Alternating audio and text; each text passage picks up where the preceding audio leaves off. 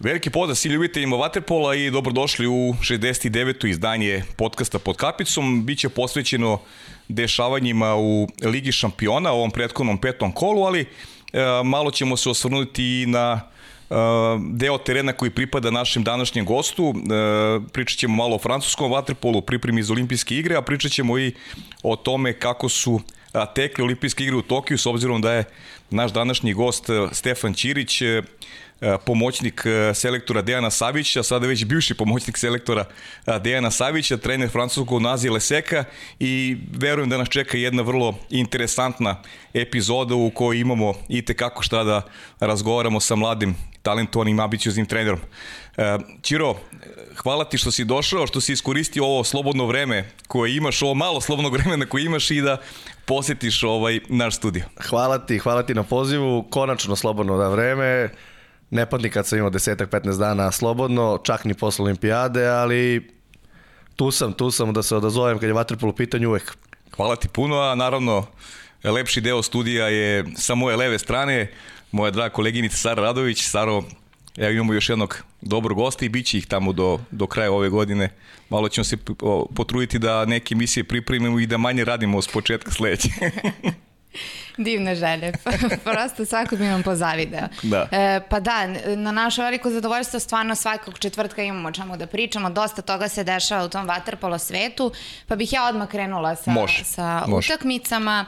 E, Novi Beograd Breša. E, rezultat je bio izjednačen. E, s tim što ono što bih istakla, ne bih pričala po četvrtinama, ali ono što je e, obeležilo jeste taj minut pre kraja gde je e, Novi Beograd vodio sa dva razlike čini se da je odbrana zakazala, uh, nisu sprovedeni ti napadi kako treba i na kraju je rezultat bio izjednačen.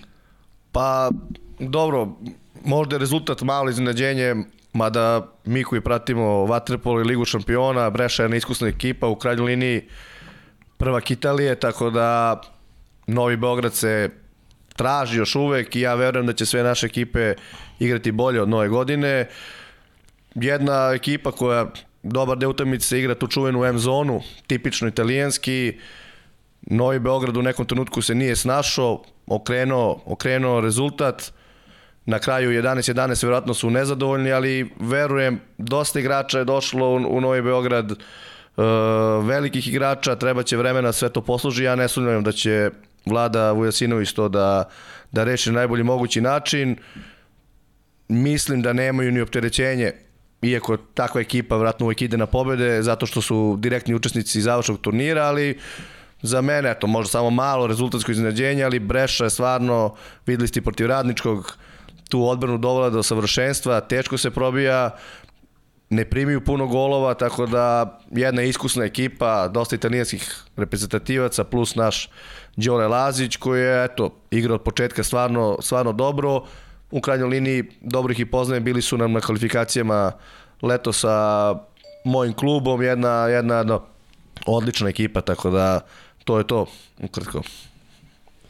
E, pa ništa, hoćemo još nešto da pomenemo. Pa ne, hoćemo, znaš kako, meni je, o, o, ono što, što je meni e, impresivno kod te breše, recimo, Novi Beograd, verujem da će Novi Beograd sigurno igrati bolje, Novi Beograd nema imperativ pobeđivanja i, i ljudi onako kada gledaju sastav Nova Beograda, oni veruju da će to se sklopiti sve odjednom i to, to je nemoguće napraviti, napraviti hemiju za, za par meseci bukvalno zajedničkog rada, to je jedna popuno nova ekipa, e, igrači koji mnogi nisu nikada igrali zajedno, neki se znaju iz reprezentacije, ali e, nije lako napraviti napraviti e, dobru ekipu, skladnu ekipu za tako malo vremena. S druge strane, ono što je meni Breša, Breša je jedan sistem koji postoji tako, Ćiro ti to bolje, znaš Bovo koji je jedan ozbiljan trener, trener. Takva četiri igrača su e, otišlo u odnosu da prošle godine petorice igrača, ako računamo i Nikolidisa, koga da. neko zaboravlja, ali on je bio deo, deo tog sistema. Bukvalno se ne osjeća u, u igri Breše da, da su napravljene promene. Oni zaista igraju možda iznad očekivanja. U Italiji su prvi, nemaju poraz ove sezone, Ajde malo da mi da pojasniš i gledalcima e, način na koji eto ta breša funkcioniše, kako oni tebi izgledaju kao ekipa i, i da se malo dotaknemo malo Novog Beograda, da publika prosto zna da to ne ide, ne ide baš tako kada se priča o, o sklapanju mozaike jednog tima. Naravno, slažem se u potpunosti sa tobom. Prvo, breša. E, promenili su dosta igrača, do ove utakmice su čak igli samo sa jednim centrom, to je Đole Lazić, stvarno trener uh, Bovo godinama je tamo, znamo da ga je rekao, ne i kupio pre 5-6-7 godina, on se tamo osjeća odlično i taj neki sistem koji oni, koji oni drže već godinama, menjanje odbrana u toku, u toku utakmice, videli smo i sad protiv Nove Beograda, krenuli su sa klasičnom zonom, pa prešli u M, pa se ponovo vratili nekom normalnom, normalnom igranju i očigledno da taj sistem funkcioniše. Dugo oni nisu mogli da pobede rekao u Italiji, uvek su blizu bili, ali nikad se to nije, nije desilo i mislim da su konačno prelomili tom pobedom u finalu prošle godine i stvarno jedna ekipa, eto, na tim kvalifikacijama smo mi igrali, kraj druge 5-4 delovali kao da nešto možemo u suštini, to je suvi kvalitet, dosta internacionalaca, reprezentativaca i stvarno Breša je spada u grupu ekipa koja iz nekog drugog plana U krajnjoj liniji oni su prošle godine, čini mi se, došli treći u Ligi šampiona. Ako se... Jeste, da, izgubili se polufinala. Ferenc Varoša na jednu loptu gde Soman igrao koji je bio povređen, oni su malo više i slavili, verovatno, onu titulu Italiji, tako da... Tako da ja očekujem od Breše da bude ove godine neki favorit iz drugog plana. Uh, Đorđe Lazić igra odlično ove mm. godine, stvarno. Uh, dugo je bio, kao što rekao sam, Bikar je tek došao za, mm. za utakmicu, nije bilo lako i Zbog toga možda kažemo da je Breša jedno pozitivno iznenađenje o, trenutno do sada Ligi šampiona. Kažemo, gledali smo i protiv Radničkog sa tom M zonom, dosta su im problema napravili, tako da jedna interesantna ekipa mogu da kažem, iskusna i mislim da će oni osvajati još bodova i mislim da su gotovo sigurno biti učesnici završnog turnira. Uh mhm. -huh. Što se tiče Novog Beograda, apsolutno se slažem s tobom, veliki broj igrača je došao, to sve treba da se posloži, treba vremena za to, bez obzira na kvalitet, ne samo u vaterpolu i u drugim sportovima, ne ide to tako lako. Znači, veliki kvalitet nije sporno, ali da to funkcioniše u odbrani, u napadu, treba vremena i ja verujem da će Novi Beograd biti pravi na završnom turniru. Imaju, ok, neke bitne utakmice do tada, tip kup će kraja decembra u Srbiji, sigurno će napasti taj trofej, prvenstvo Srbije, ali u Jadranskoj ligi su tamo gde, gde treba, u prvenstvu isto ide kako treba, nemaju imperativ na završnom su turniru, ja verujem, poznavajući Vladu Vujasinovića, a naravno ne poznajem toliko dobro Atu Šapića privatno, ali znam i čuo sam hiljadu priča o njemu, to je prođeni pobednik, oni hoće da sigurno završe prvi u ovoj grupi, uh mhm. -huh. bez obzira na plasman, tako da ja kažem, od Nove Beograda možemo da očekujemo najbolje tek posle nove godine, to je sigurno. Vjerojatno će proći još jedan deo bazičnih priprema, da se pripreme za taj finiš i verujem da će Novi Beograd biti pravi kad to bude trebalo. Uh -huh. Dobro, ukupan učinak Novog Beograda sad je tako tri pobede, jedno nerečeno i jedan poraz, ako se ne varam. I sledeći protivnik Dinamo Tbilisi, ne očekujemo neko veće iznenađenje, ali tako? Naravno, pa evo i Dinamo trener, naš trener, oni vjerojatno svaku utakmicu ulaze da se pokaže što boljem svetlu, da izgube sa manjom razlikom i mislim da Novi Beograd neće imati problema sa, sa Dinamom. Ok, znate kako, i taj Ferenc Varoš što su izgubili, utakmica je bila i gore, dole, imali su i oni svoje šanse, stvarno, ja ne znam da Vogel je branio, neće se da je neki golman tako branio na utakmici, 17, 17 odbrana, ja sam jednu možda, evo sećam sad utakmicu da je sadašnji golman Jadana Splita Anić na nekoj utakmici regionalne lige protiv nas imao 19 uh -huh. i seća da mi tad moj pomoći koji je inače trener golmana Nikola rekao ovo ne pamti, tako da ovoliko odbrana u Ligi šampiona stvarno je sigurno je bilo presudan, presudan faktor uh -huh. da Novi Beograd izgubi tu utakmicu, ali kao što sam rekao, tek ima, tek ima da se igra, tako da Novi Beograd verujem biti pravi, bit će pravi kad to bude došlo vreme. Uh, očekujem stvarno pobedu protiv Dinama i to je to, ne. Da, pričali smo o tom četvrtom kolu, region, bila je regionalna liga, bili su iscrpljeni i onda je došlo to četvrto kolo, tako da možda i to dosta uticalo na, na krajnji ishod. Apsolutno se, apsolutno se slaže sa tobom. Dosta igrača je pričalo o tome, to Miloš Ćuk, stvarno neki nehuman sistem. Ja sam za da se igra Jadranska liga, bio sam trener u Partizanu kad smo igrali Jadransku ligu. Uh, a znači mnogo mladim igračima da igraju u Dubrovniku, da igraju u Splitu, pa ne samo protiv Jadrana, nego i protiv Mornara i Poška. Ja sam za Jadransku ligu, ali ne u ovom sistemu i ne u ovom formatu. Toliko utakmica, tako malo broju dana stvarno nikome ne koristi i verujem da su bili igrači preomorni. U krajnjoj liniji, vi kad pogledate taj turnir koji je bio u Beogradu, svaka ekipa je ne skinula skalp nekom, nekom velikom. Yes. Dođemo do toga da Jug igra protiv Budve na gol dva razlike koji je bolji vratno za 10, da Šabac dobije Mladost, da Mladost dobije nekog drugog. Tako Jadran dobije Partizan. E, Jadran dobije Partizan posle izgube neke utakmice koje su možda očekivali yes. da dobiju. Kao da su se birali utakmice ne da bi se nešto uradilo. Jadran izgubio mladosti u posljednjem kolu, e, da, recimo. Da, na primjer to isto. Mlada ekipa, baš. Koja je promenila dosta, tako da mislim da to nikom, nikom taj sistem ne odgovara i verujem da je uticao mm. i na Novi Beograd i na druge ekipe, pa i na radnički da za onaj poraz u Splitu. Jeste. Sigurno taj broj utakmica. Pa i za Zvezdu Hanover, koja je Zvezda koja je takođe još imala problem i sa i sa dvojicom igrača, sa, sa Duletom Markovićem i sa Gavrilom da. Subutićem koji su bili neizvjesni zbog, zbog bolesti, tako da i uticalo na Zvezdu. Taj vrlo važan meč Zvezde protiv Hanovera, eto nisu bili, ni Gardašević ni mi se ni igrao, tako da je sve to uticalo generalno na klubovi iz regiona. Slažem, slažem se, gledao sam i tu utakmicu, u pravu si, ja sam čak negdje pročitao da neće igrati uh mhm. -huh. Dule Marković i Gajo, ali Vrena. na kraju su igrali, ali nije, nije bilo dovoljno, Zvezda ima kadrovskih problema, juče nije igrao Jogi, tako da... da nije igrao ni Veljko Tankosić. Ni Veljko Tankosić, tako da u nekim utakmicama nisu imali, nisu imali ni sreće. Što se tiče sastava, Zvezda da bi osvojila bodove u Ligi šampiona mora da bude na maksimumu punom sastavu. To se nije desilo u nekim utakmicama, tako da mislim da će Zvezda sigurno, da se razumemo, ja sam kao trener koji je dugo bio ovde i radio i odrastao u ovom srpskom vaterpolu, prezadovoljno što tri, tri ekipe imamo u Ligi šampiona. Da. To je setimo se da čak nažalost kad sam ja bio trener mi smo bili bez boda u Ligi šampiona, a mm. posle sledeće godine Zvezda nije uzela bod, tako da Zvezda sada već ima jednu pobedu, sigurno će imati još do kraja. Ja radnički ne smatram, mislim da će kao što sam rekao iza Novi Beograd, setimo se i prošle godine radnički nije krenuo mm.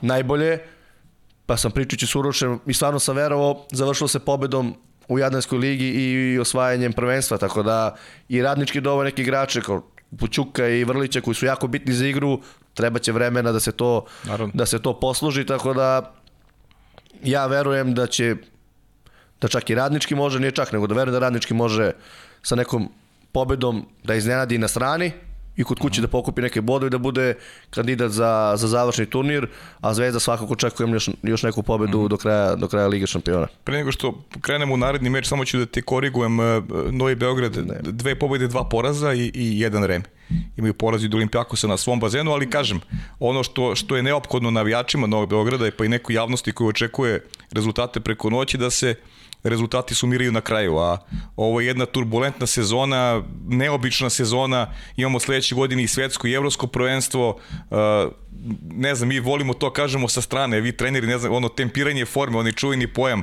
kako voš to može da se napravi da ti bukvalno ti ne znaš šta će biti u junu mesecu po svetskog prvenstva.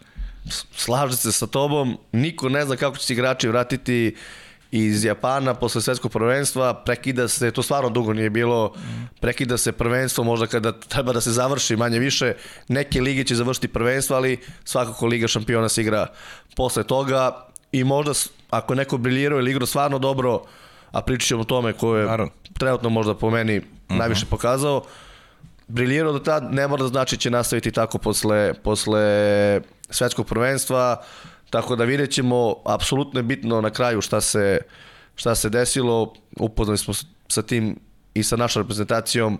Često u grupi nismo bili dobri, na kraju zlatna medalja, tako da polako, stvarno daleko je jun, ima još mnogo vremena. Ja očekujem stvarno od naših klubova da pruže još bolje partije do kraja sezone. Uh -huh. Stvarno, ćemo dalje, a? Pa da, eto, dotakli smo se radničkog, na svom bazenu su igrali protiv Dinama, rezultat je bio 14-7, bez bilo kakvih problema, trzavica, očekivano. Pa dobro, apsolutno očekivano, ali verujte mi da je radnički sigurno imao pritisak, čekala se ta prva pobeda, ali kvalitetni su, nema šta od Dinama i verujem da ovo možda bude njima jedan zamajac da, kažem, naprave neko uh, još veće iznadženje, pogotovo na strani, a u Kragovicu svakako nikom neće biti lako ko, ko bude došao da, da igra protiv radničkog. Ja stvarno Uroš je pokazao toliko toga i sa juniorskom reprezentacijom i sa radničkim prošle godine. Ja stvarno verujem, ovo nije fraza da će radnički tek igrati dobro. Promenili su nekoliko igrača. Došli su igrači koji su jako bitni za njihovu igru, poput Vrlića i Ćuka. Ćuk totalno drugačiji igrač od uh, Strahinja Rašovića. Strahinja neko ko je dao ritam, završavao akcije iz kontranapada, Miloš je neko ko može svojim individualnim kvalitetom šutom s polja da reši, da reši mnoge utakmice. Ako samo uzmemo utakmicu u Splitu koju su izgubili Lige šampiona, Jeste. dva, tri puta, kako mi to volimo sa našom golman, vezuje gaće, mm. nije, u, nije u priči da odbrani, mm. prečka linija, Stativa. linija, ne, znači radnički, to sam Jurušu rekao, stvarno nije imao sreće na toj utakmici, neko kaže sreća treba se zasluži, jasno, ali verujem da će se to vratiti, jer posle te čuvene regionalne lige, ponovo u Splitu, igrali su nerešeno su pobedili, ne mogu da setim u Jadranskoj ligi, radnički sa, ja, sa Jadran Splitim. E, nerešeno, nerešeno su igrali. Da, Radulović je šio nešto pred kraju utakmice.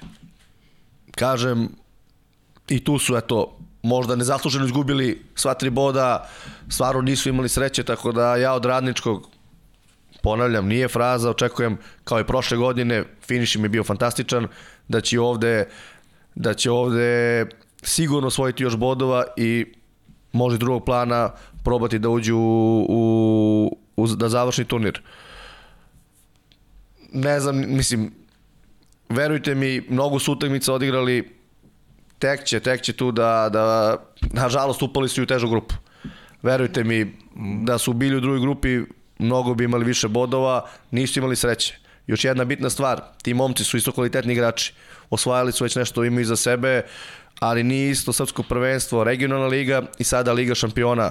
Radnički teži o tome, prvi put igrao Ligu šampiona, pa u krajnjoj liniji ta utakmica protiv Ferenc Varoša, da su se vratili na kraju i uzeli da. bod, je pokazala da pored kvaliteta potrebno i iskustvo za nešto više iz osvajanja nekih bodova, tako da polako ja stvarno verujem u Urošev rad, u to što radi radnički. Već godinama sa Jugom na čelu i negde se potrebno nadam i verujem da radnički će ući na završni turnir, što da ne. A ima Čiro i druga strana medalje. Evo, ti to opet bolje, bolje znaš. Koliko tih momaka igralo pre, pre, ove, pre ove sezone Ligu šampiona? Re, rekao si Ćuk, Vrlić, to su, da. to su velike, zve, velike vaterpolo zvezde, ali imaš tu mlade momke koji se prvi put susreću sa nečim što se zove elita E, klubskog vaterpola. Tako da i tu treba malo da negde da stasaju i potrebno, za, za, za svaki proces je potrebno vreme. Apsolutno. Uh, ti znaš Jugoslava možda bolje nego ja, znamo da. ga bojica. I tamo se ko nekad u Partizanu, ko što u Jugu, u mladosti, ajde, do ove sezone, računaju samo pobede. I sigurno da oni očekuju svaku utakmicu kod kuće da mogu da uzmu tri boda, što je i legitimno i normalno i postavili su se visoki ciljevi tako i treba da bude, rasli su postepeno i sigurno postoje neka razočarenja, mislim, slušao sam Jugin intervju, ja više ne znam da je to bila utemica sa Novim Beogradom, uh mhm. -huh. Liga šampiona, domaće prvenstvo, gde on vidno nije bio zadovoljan, ali početak je to, ja razumem njega, ipak smo zvanični šampioni Srbije, osvojili su Jadnansku ligu, ali ti momci nisu, nisu igrali ligu šampiona, to je ipak jedan nivo viši, viši nego što je naše domaće prvenstvo bilo do sada. Uh mhm. -huh. E, već u utorak igraju protiv Barcelone, odlaze tamo u nedelju uveče. Kakva očekivanja imamo od te utakmice? Pa to bi mogla da bude jedna utakmica da je radnički može da uzme tri, tri boda na strani. E, došao je novi trener Fatović, ono što sam ja mm. pogledao, sistem je manje više Barcelonete zadržan, mm -hmm. ali opet, kao što si ti malo preko, tu fali, to ekipa je jedno 30% slabija nego prošle godine, neki igrači su otišli, tako da kažemo jedan australijanac, Pilard, ima uh mhm. -huh. neku ulogu u toj ekipi Barcelonete, a nije bio ni za svoju reprezentaciju kod Fatovića, nije, nije učestvovao na olimpijskim igrama, znači da Barceloneta sigurno ima svoje svoje mane, eto primili su gol poslednji kola Barceloneta protiv Ferenc Varoša, da, primili su gol u poslednjem napadu ili poslednjim sekundama i oni su, ja sam primjer gledao njih protiv Breše isto bili su u Breši na gol 2, tu su stalno držali, na kraju ih je Breša, Breša slomila i od njih, pošto sa novim trener, trenerom treba očekivati nešto bolje izdanja posle nove godine, ali eto, prilike da možda radnički do, osvoji neki bod, a možda čak i tri, jer to bi mogla da bude dobra inicijalna kapisla za nešto više i za nešto bolje u nastavku takmičenja. Da, oni sad ulaze u tu, ajde, mini seriju, da kažemo, Barceloneta i onda početkom godine, tamo 10.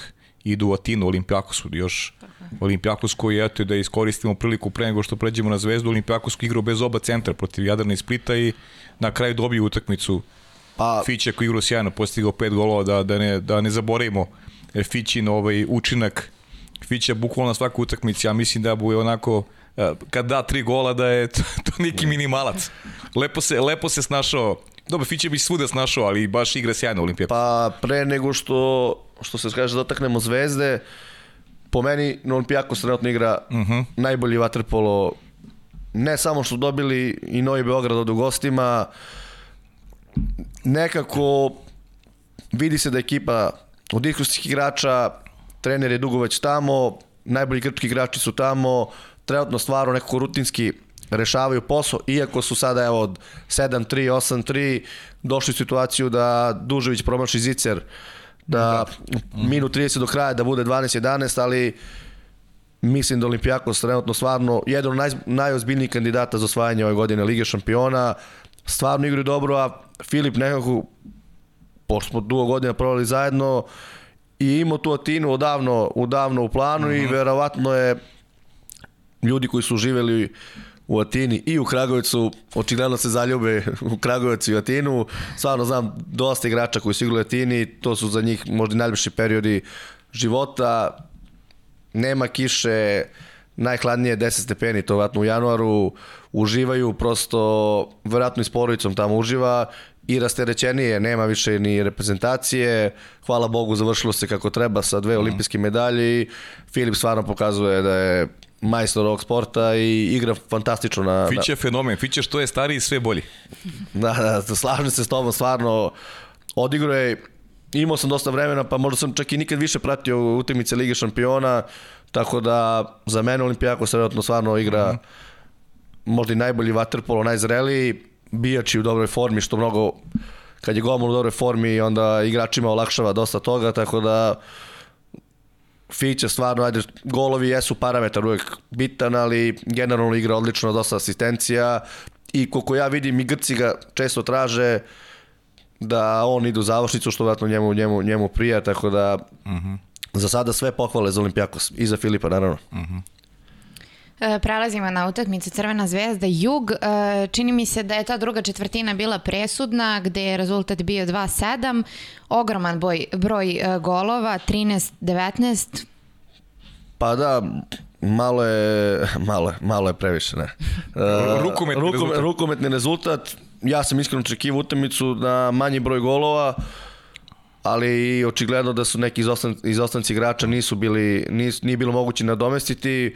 Jug se ponovo u suštini Jug je možda samo po znacima navoda kiksirao protiv Marseja u, u Dubrovniku možda, sve ostalo su šta su trebali dobili. Pa dobili su sve ostalo. Sve ostalo su dobili sigurno da Jugi juče bio, juče bio favorit, imali su i oni neki problema, Fatović je ostao bio u Berlinu, Jeste. bio je pozitivan. Mal, mladi špahor isto, da. Jeste, ali pričajući sa Vjekom, gledajući, kažem, gledao sam dosta utakmica, mislim da su Grci novi dobro nalegni na tim i da igraju sve, sve bolje i bolje, tako da Jug onako pokazuje, mislim, slično kako to je bilo i ranije, ritam, lomi se protivnik ritmom, kontrama, ali kažem da ovi, vratno mi je Papa Anastasiju dosta olakšao dolazak, da su i Kakaris i Argiropoulos dosta dobro snašli i da da Jug, kao i sve ekipe, mislim, ponavljam se stoti put, tek će to, tek će mm -hmm. to mhm. biti. Naravno, gube se bodovi, bitno je da se osvajaju, osvajaju, ali sigurno očekivana pobeda Juga.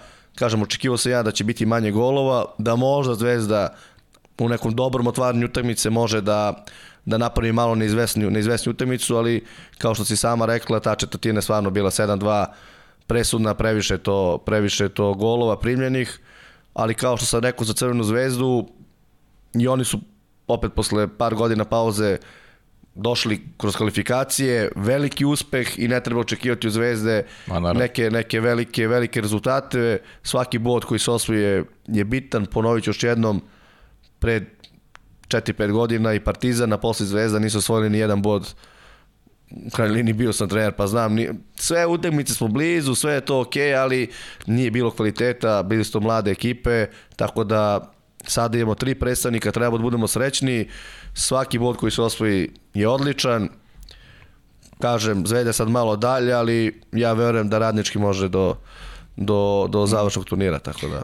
Znaš kako, Čiro, znaš i samo u životu je tajming mnogo bitna, mnogo bitna stavka, bukvalno za sve u životu. Evo Zvezda, recimo, gledam te Hanover priprema za utakmicu nakon e, Jadranske lige, dva igrača, ko, vrlo važni igrača koji su upitna zbog, zbog bolesti.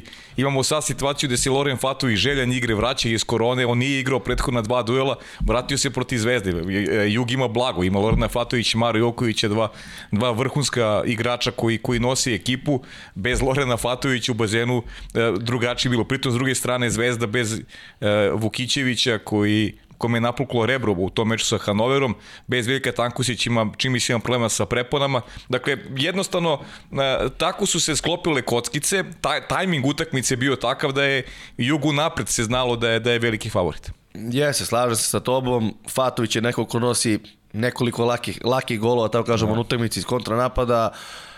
Fali im je Jogi koji im daje dubinu u napadu, peterac, dva, tri peterca putakmici isključenja, plus Velja koji je po meni lično, ja sam se, se par puta našao i sa predsednikom i sa Viktorom, to radno najbolji igrač, jedan najbolji potez za Zvezde, jer Velja stvarno godinama već igra na, na visokom nivou u Crvenoj zvezdi i, i, on takav kakav jeste, donosi neku energiju, prolazi stalno, proplijava, golovi iz proplivavanja, isključenja, šut ranije sa 5 metara i tu je bio jako opasan, sad je to na 6, generalno sve manje golova iz faula, osim ako nisi Fiće ili, ili, ili da, neko da, da. drugi, ali, ali u suštini to je sigurno bio veliki hendikep za Crvenu zvezdu i slažem se sa tobom, tajming je bitan, u krajnjoj liniji ja znam, eto, poslednji kola smo izgubili u, u francuskom prvenstvu, šest igrača mi nisu bili tu, bili su na pripremne reprezentacije, oni su sjajno radili, fantastično, ali treba se da, sve to pripremiti, treba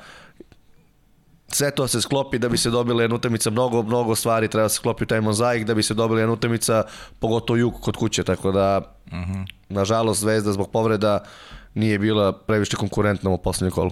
E, Čiro, ovo mi je sad jedan šlagvor za jednu, iz jednu temu uh, posebno interesantno, eto iz tog, iz tog trenerskog ugla. Kada pričamo o ovoj sezoni generalno, veliki broj odigranih utakmica. Ja sa stalno to volim da kažem ovako iz mog ugla da je to ozbiljan benefit za mladi igrače koji imaju priliku da šta savaju iz ove iskusnije, neko se formi, e, stvori dobar ambijent vezan za srpski klubski vaterpolo. E sad imamo drugi drugi pogled, taj trenerski pogled, to sam pričao i sa, i sa Vjekom Kobešćakom, juče sam malo dotako toga i sa Akim Filipovićem.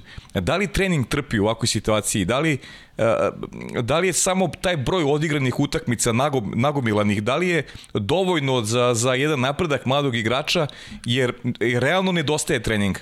Jer ti kad igraš utakmice konstantno u ritmu sreda, sreda subota, nemaš dovoljno vremena da neke ideje onako sprovediš i kroz trening i da, i da tu može dođe do nekog usavršavanja, da kažem, ili pripreme za ono što, što, što treba utakmice ti unese. Ma, to je apsolutno tačno prvo kad imaš mladu ekipu fali individualnog rada. Znači, nešto što kroz taj rad igrači napreduju, nema govora da kroz utakmice ne napreduju.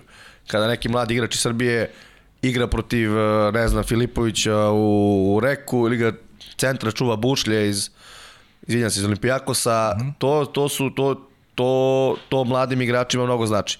Međutim, specifično spremanje za određenog protivnika, svaka ekipa igra drugačije, to se bukvalno snimci, priprema, putovanje. Ja verujem da u jednom trenutku oni više nisu ni znali da da li je Jadranska liga, da li je Liga šampiona, s kim igramo, šta igramo.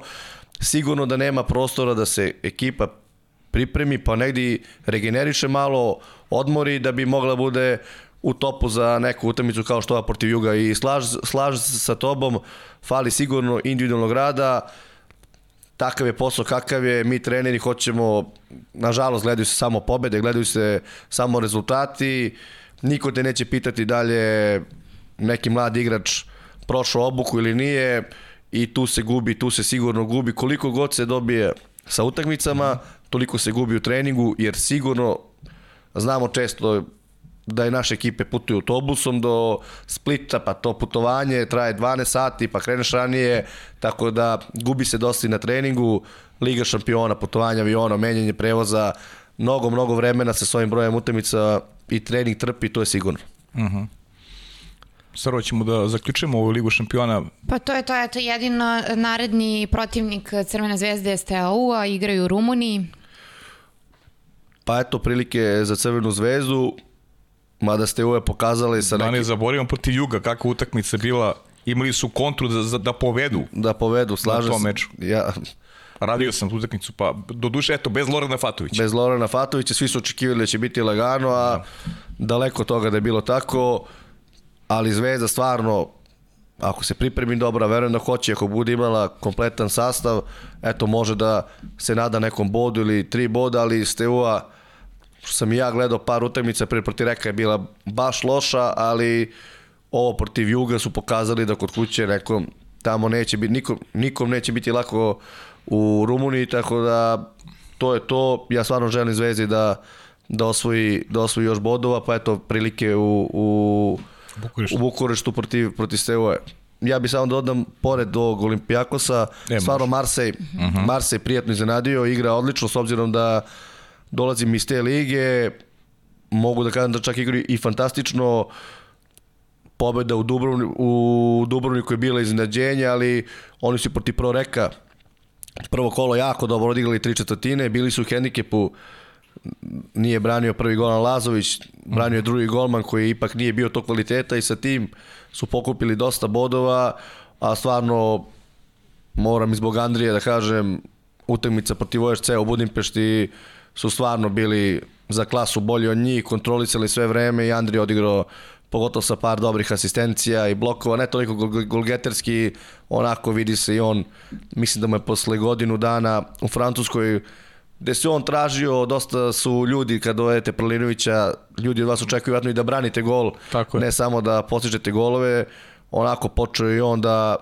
pokazuje ono što je u stvari radio cijelog života, majstorstvo, to je stvarno ako si vidio možda i onu asistenciju, uh mhm. -huh. kako mi zove krivo oko sa Spajićem, tako da mora da kaže da Marseille stvarno igra, igra fantastično i skuplja bodove, pa može će nekad neki pad izdržati i sigurno sada blizu ne samo plasmana na završi turnir, nego može čak i tog drugog mesta koji će koji bi u nekom tamo tom četvrtfinalu mnogo olakšao, olakšao put ili polufinale, ja više ne znam ni koji je sistem mm -hmm, Lige da. šampiona, to se stalno nešto menja, ali svakako na završnom turniru, oz, vidim ih na završnom turniru, ozbiljni kandidati, čak da budu i drugi u ovoj grupi. Mm. Eto. Pa i Andrija verovatno iskinuo ogroman teret sa leđa i ta godina prošla je bila specifična jer je u suštini bila i priprema za za olimpijske igre, za, za krunu generacije, kod njih se videlo da je to apsolutni fokus i, i ove godine i on sigurno igra kudi kamo rastrećenije, a u krajnjem slučaju ono što uvek mora u sportu se ispoštuje, to je neki sistem koji, koji postoji recimo Marseju na čelu sa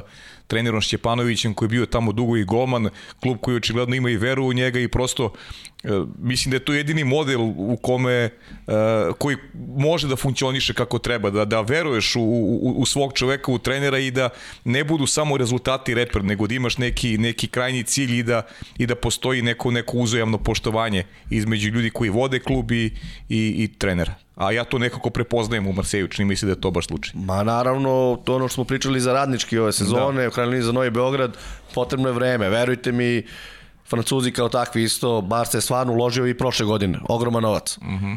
To prvi poraz kad je odmah, pa kako, pa, šta, pa nije to sport, nije to kao uložio sam mnogo i odmah idu sve pobede, I odmah titula. I istat rezultati.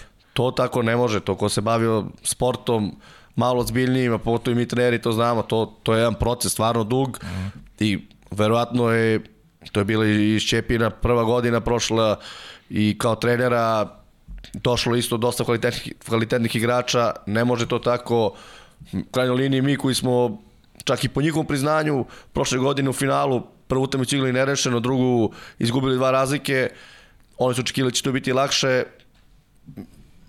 ne ide to baš tako lako, mi smo za malo da ih izato iznenadimo, mada su oni zasluženo apsolutno bili prvaci prošle godine Francuske, svi su mislili da će biti desetak razlike, oni su u polufinalu dobili Montpellier ukupno 18 golova razlike, tako da uh -huh. dosta igrača tih Francuza nisu učestvovali u bitnim utakmicama, nisu imali ligu šampiona kao što smo pričali iz ove mlade igrače iz Radničkog. Sve je to proces i to traje, ali na početku stvarno igraju, igraju fantastično i nije lako dobiti OSC u Budimpešti, nije lako dobiti Jugo, Jugo u Dubrovniku. Mm. Možda je ovo sada pravi, pravi moment da, da pređemo na, na, na taj tvoj teren, da se vratimo u Francusku. Noazi Lesek, prošle godine rekao si, e, izgubili ste to finale protiv Marseja, gde se očekivala mnogo ubedljivija pobjeda Marseja. Kako ceniš sada do sadašnji deo e, šampionata, gde vidiš Noazi Lesek u odnosu na, na Marsi, koga svi imamo prilike da gledamo?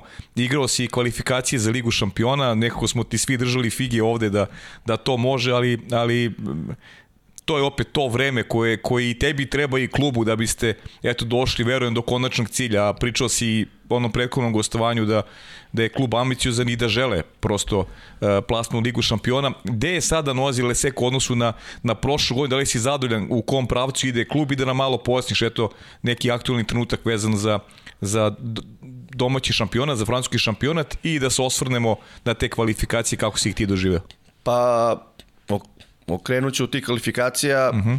klub je negde i uzo domaćinstvo da napravi neku generalnu probu sa jednim, eto, nije, ma, za njih je to veliki događaj, kvalifikacijni turnir Lige šampiona, bio je na otvorenom oktobru i ja, koji sam stvarno proputovao sa reprezentacijom, bio na mnogo velikih takmičenja, mogu da kažem da je bila organizacija stvarno na vrhunskom nivou, dronovi, DJ na bazenu, Pariz, oktobar, otvoreno, imali smo sreće da bude lepo vreme i s te strane i preko sudija koji su bili tamo i delegata sam stvarno video neko zadovoljstvo i to će biti olakšica u nekom možda ozbiljnijem u nekoj perspektivi njihovoj kandidaturi možda i za završni turnir kroz par godina. Tako da sa te strane smo zadovoljni, a u krajnjoj liniji pokazali smo, nismo imali nažalost sreće u žrebu, to smo pričali, svi smo se mi nadali, da nam dva učesnika sada već Liga šampiona, Breša i OSC budu u grupi, što je bilo jako jako teško da, da, da se prođe dalje. Mi smo dobili terasu i sa špansku ekipu koja je stvarno odlična i bili time prezadovoljni. Protiv Breše drugu utakmicu, to je Breša što je pokazao taj su, suvi kvalitet. Mislim da je bilo 5-4 kraj druge, mi smo možda mislili, mm -hmm. u jednom trenutku je bilo 14-7 za njih. Stvarno, i ranije kreću kontru. Pro, prosto iskusna ekipa je na, vidi se razlika u klasi, a to malo što si ti rekao protiv OSC-a na 3-10 do kraja utakmice mi smo imali igrača više na 6-6 ali to malo, nikad nije malo da. potrebno vreme, mm. brzo opleto smo to šutnuli, rešili, iz tog igrača više dobili peterac i onda je OSC na kraju dobio dva ili tri razlike, više se ne sjećam ja, ali negde se osjećalo uz tu energiju Srbina da možda možemo i do, do pobede, što bi bio stvarno fantastičan uspeh. Ja sam generalno bio zadovoljan tim turnirom, kao i ljudi u klubu. Nažalost, igrali smo ga bez jednog igrača koji je jako bitan za nas, imao je ma, Matthew Payson, imao je, na, mislim, glupost, pao je sa motocikla, gledajući išao da gleda FSŽ uh, rukomet, pošto voli rukomet da gleda Ligu šampiona i vraća se, pao je sa motora, on je još jedan igrač, on se nažalost nije vratio za taj turnir i još uvek ne igra, slomio ključnu kost i par rebara i to on je mi mnogo falio u takvoj jednoj ekipi, falio je dosta, ali smo bili generalno zadovoljni tim turnirom i negde pokazatelj mi pre svega i dalje smo okrenuti Len Kupu, nažalost treći ove godine nije nastavio takmičenje u Len Kupu. Kao da. što ti rekao, više ne znam ja koji su... Ma da. Prošle godine su bile drugačije grupe, četvrti, peti išu u Len Kupu, Len Kup, ove da. godine ne. Mislim da smo ga zaslužili, možda bismo tu mogli da napravimo još jedan korak mm. napred, ali sve u svemu nije, nije bilo loše i pokazatelj da možda možemo u nekom narednom periodu da klub može da računa, naravno, rekao sam i ovde kad sam bio prošli put, Francuzi ulažu pogotovo do te olimpijade sigurno i verujem da, da će moći da napravi iskorak. Znaš, malo je tu, sad je neki disbalans, traže se rezultati u Evropi, a smanjuju se broj stranaca. Da. Ove godine četiri, prošle je bilo pet, u olimpijskoj godini će biti tri. Tako da teško se može do rezultata u Evropi sa samo tri, strana, tri strane igrača, koliko god oni ulažu, koliko god ti momci, mislim na francuski igrače, žele, mogu, opet fali igrači koji imaju iskustvo kao što, na primjer, kod mene Krapić, Petković, pa i naš golman Živojinović, a neću da pričam koliko mi je Viktor Rašović prošle godine znači u ekipi, mm -hmm. tako da sve u svemu francuski waterpolo ima perspektivu, pričat ćemo posle o tome, da. ali ja sam generalno zadovoljan. Što se tiče prvenstva, uh -huh. Mi smo trenutno na, na, na deobi drugog mesta i da nismo izgubili poslednji kolo od Montpellier, vratno bi ti rekao da je maltene polusezona bila savršena, ali to je ono što smo pričali malo pre. Uh, bili smo bez pet igrača, Krapić je bio, stvari šest, Krapić je bio sa hrvatskom reprezentacijom, a Francuzi su trenirali sedam dana, su bili četvrtak, četvrtak su bili odsutni, za jednu ekipu kao što je naša, mi moramo da budemo zajedno da bi pobeđivali i u krajnjoj liniji zadovoljni smo pozicijom, pozicijom, brojem bodova, ali eto, fale nam je da pobedimo Montpellier kod kuće i da, budemo, da vežemo pet pobeda, koji se ipak niko nije, nije možda nadao, jer smo ipak u kadrovskim problemima malo uh mhm. -huh. od početka, od tog pada sa motora, pa na primjer kapitan Marzuki zbog crvenog kartona ni igrao protiv Strasbura, koji smo dobili u gostima, to je bilo iznenađenje, ali i taj čuveni pet igrač, mi smo doveli momka baš iz TUE, iz Rumunije, da igra, on za sada ne igra jer je naš, jedan naš igrač iz Danske treba da dobije francuski pasoš, delo je smešno danac, to sam prošli put rekao, ali stvarno fantastic, da, fan, da, fantastičan igrač, njemu, da. fantastičan momak, tako da u suštini smo dva igrača manje ovu celu polusezonu proveli. Viktor na fali i fali centar, taj Mateo, ali ja sam generalno, generalno zadovoljan, bilo bi lepše da smo vezali pet pobjeda, ali dugo je prvenstvo, prekidaće se, još je komplikovanija situacija. Francuzi imaju kvalifikacije u februaru za, mm -hmm. za evropsko prvenstvo u Splitu, koje će vratno mm -hmm. proći, ali i tad se prekida prvenstvo, plus april, tako da čeka na zanimljiva polusezona. Eto, to je još jedan ona, ona, ona, onaj pokazatelj kako se svuda u svetu igra vaterpolo, samo što su ovdje igra najbolji vaterpolo i to je, to ljudi treba da znaju, dakle, vaterpolo je masovni sport, svuda se igra, to Danska, e, to mi je interesantno, e, pričao si već o tome, ali nije zgori da posjetiš na kojoj poziciji igra momak i i, i šta možda da očekujemo u budućnosti, recimo, on, on je neki primjer, verovatno najbolji kada govorimo o, o, o danskom vaterpolu. Pa da, on je jako mlad, došao u Francusku, mm -hmm. momak igra na poziciji beka, nije više on ni tako mlad, ali dobar primjer i pokazati nekim drugima da, da upornošću i radom, on je stvarno radnik maksimalni i može da se dođe do, do nekih rezultata. Ako sve bude u redu sa tim pasošom, on će biti kandidat uh, uh -huh. za francusku, za francusku da. Mhm. reprezentaciju, uh -huh. sami tim i kandidat za olimpijske igre, za njega to će biti već i ovo što je bio na pripremama, vidi se na njemu neka pozitivna energija, tako da momak stvarno dvometraš, ja kažem, prolaz, ta jedan na jedan proplivavanje, možda Lekejović ima bolje, neverovatno je fizički snažan, uh -huh.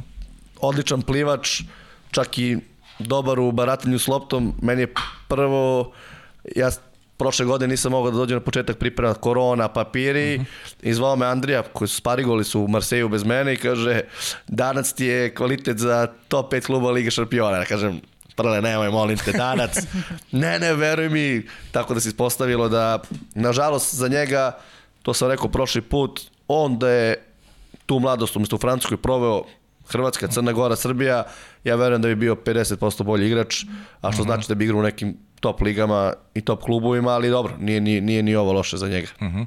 Koliko imaš repestivaca? Koliko je bilo sad igrači sad francuski repestivac? Sad ih je bilo pet, računići njega koji je potencijalni, tako da neki su, da kažem i mlađi igrači koji nisu bili ne da nisu bili kandidati, da kažem ovako, žargonski nisu bili u priči prošle godine i to mi je drago, jedan momak 2002. je bio na priprema, vidim da se Leto računa na, na njega. Uh, čak i na tom jednom treningu koju sam prisustvo odigrao jako dobro. Ostali igrači su manje više i bili pozivani ranije, tako da sigurno će biti kandidata za kapiten ekipe Marzuki, tu jedan uz Uga, naj, jedan od naj, najboljih igrača, tako da Francuska ima čemu da se nada i na olimpijadi. Uh mhm. -huh.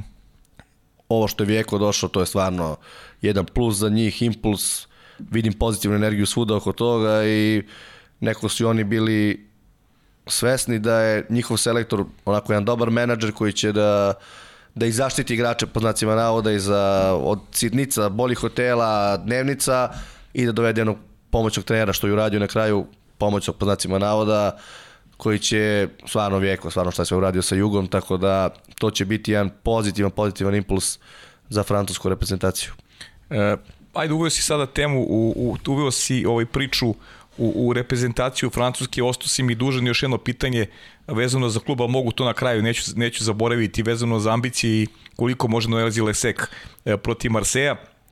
Francuska reprezentacija, naravno, olimpijske igre su u Parizu, e, ono što si prošli put pričao i ja sam zaista onako kao, kao neko ko voli sport, e, taj sistem u Francuskoj i institut za sport i e, koliko je Francuska kao, kao zemlja uložila u sport, pogotovo u, kolektivni sport, bukvalno čega god se dohvate, oni su bili e, najtrofejnija nacija na olimpijskim igrama kada pričamo o kolektivnom sportu. Uzeli su najviše medalja i, i taj neki njihov koncept daje rezultate već, već godinama unazad. Waterpolo nekako nije na toj najvećoj njihovoj mapi, u stvari nisu dovoljno, ajde da kažemo, nisu dovoljno talentovani kao, kao zemlje ovde u okruženju. E, gde ti vidiš Francusku na olimpijskim igrama u Parizu i volio bih malo, pošto znam da si posetio institut za sport za razliku onog prethodnog ostvajanja, da nas malo uputiš sve nas. Mislim da je to vrlo interesantna tema kako taj sistem funkcioniše, kako to izgleda i, i, i da negde oceniš eto šanse tu sa Vjekom Kobješćakom, sa trenerima koji ima trenera svojih prostora, eto i Miloš Ćepanović, ti, mm. dakle, razvija se francuski vaterpolo, šta mogu oni da očekuju na, na olimpijske igrama u Parizu? Šta mi možemo kao ljudi koji volimo vaterpolo da očekujemo od francuski? Pa da, evo, krenut ću prvo od ovoga, to da li su talentovali nisu za vaterpolo, negde su vratno onim godinama, pošto liga nije bila toliko profesionalna, gubili te dečake koji dođu do 17-18 mm. godine, koji su odlučili za fakultet i nekako tu je, vratno su gubili dosta potencijalnih reprezentativaca. Taj sam institut za sport funkcioniše tako što, znači, prvo, to je jedan svemirski space shuttle, svemirski brod. Ja bih voleo da u Srbiji u narednih, a nisam bezobradan, kažem, 20 godina mm -hmm. pojavi nešto slično, ne, ne ranije, ali za 20 bih bio srećan stvarno, gde se regrutuju mladi sportisti. Judo, taekwondo, plivanje, vaterpolo, pa čak mislim da je, mislim da samo futbal nije tu, tu je i košarka. Da, odbojka. Znači, odbojka, princip je takav da tu prvo ne može svako da uđe, to mora najava da, da bi kročio unutra. E, o samim borilištama, borilištima, -huh. bazenima, znači samo se tu nalaze tri bazena, mi jedan ne možemo da izgradimo koliko već, za, za sad smo na balonu na 25. maju, ali nadam se ćemo mi dobiti naš bazen. Uh, tu samo tri bazena u, u, u sklopu koji mogu da koriste vaterpolisti. Oni su očekivali malo više od plivanja, s obzirom na te uslove na olimpijadi, ali nisu najbolje prošli, tako da Vaterpolo je malo tu izgubio, on je do, do skoro bio stalni član tog instituta. Sada već ga koriste kao gosti, ali bez obzira plate termin, plate termin i koriste ga, ali bez obzira na sve, to su, verujem, teretane, uh, sprave za merenja, pa i na ovom treningu koji sam prisustvovao ko, na poziv Vijeka i selektora Francuske, postoje dva, tri televizora ogromna, nešto između video bima i televizora, gde možda pratiš akcije koje su se završile, znači oni programiraju da li hoće 20 sekundi, 30 sekundi posle, posle akcija i kako se završe akcija, oni već to mogu da vide odmah na, na TV-u, mi smo stvarno miljama, miljama daleko od toga, jer primetio sam i tada igračima interesantno da vide gde su pogrešili ili da li su mhm. nešto dobro uradili. Mm -hmm. Veruj mi, nije to prekidanje konstantno kao akcija pa oni gledaju. Ne, nego traje trening, kad nešto nije u redu, okrenu se, pogledaju, prokomentarišu i nastave dalje. Tako da s te strane imaju stvarno fantastične uslove i ono što i ja sam negde bio iznenađen kvalitetom lige, mislim da je na mnogo nižem nivou. Uh, mislim da od Francuske možemo da očekujemo čak više nego od Brazila u Riju, uh -huh. koji tada doveo neke, ajde kažemo, igrače sa strane. Zbog čega? Uh, prvo, jedan od najtalentovanijih momaka u Waterpolu, Vernu, Vernu. stvarno centar koji i ovu sezonu igra fantastično, verujem da će do tada već biti možda nekom možda boljem klubu od Marseja, mada je i u Marseju mu je odličan, odličan razvoj.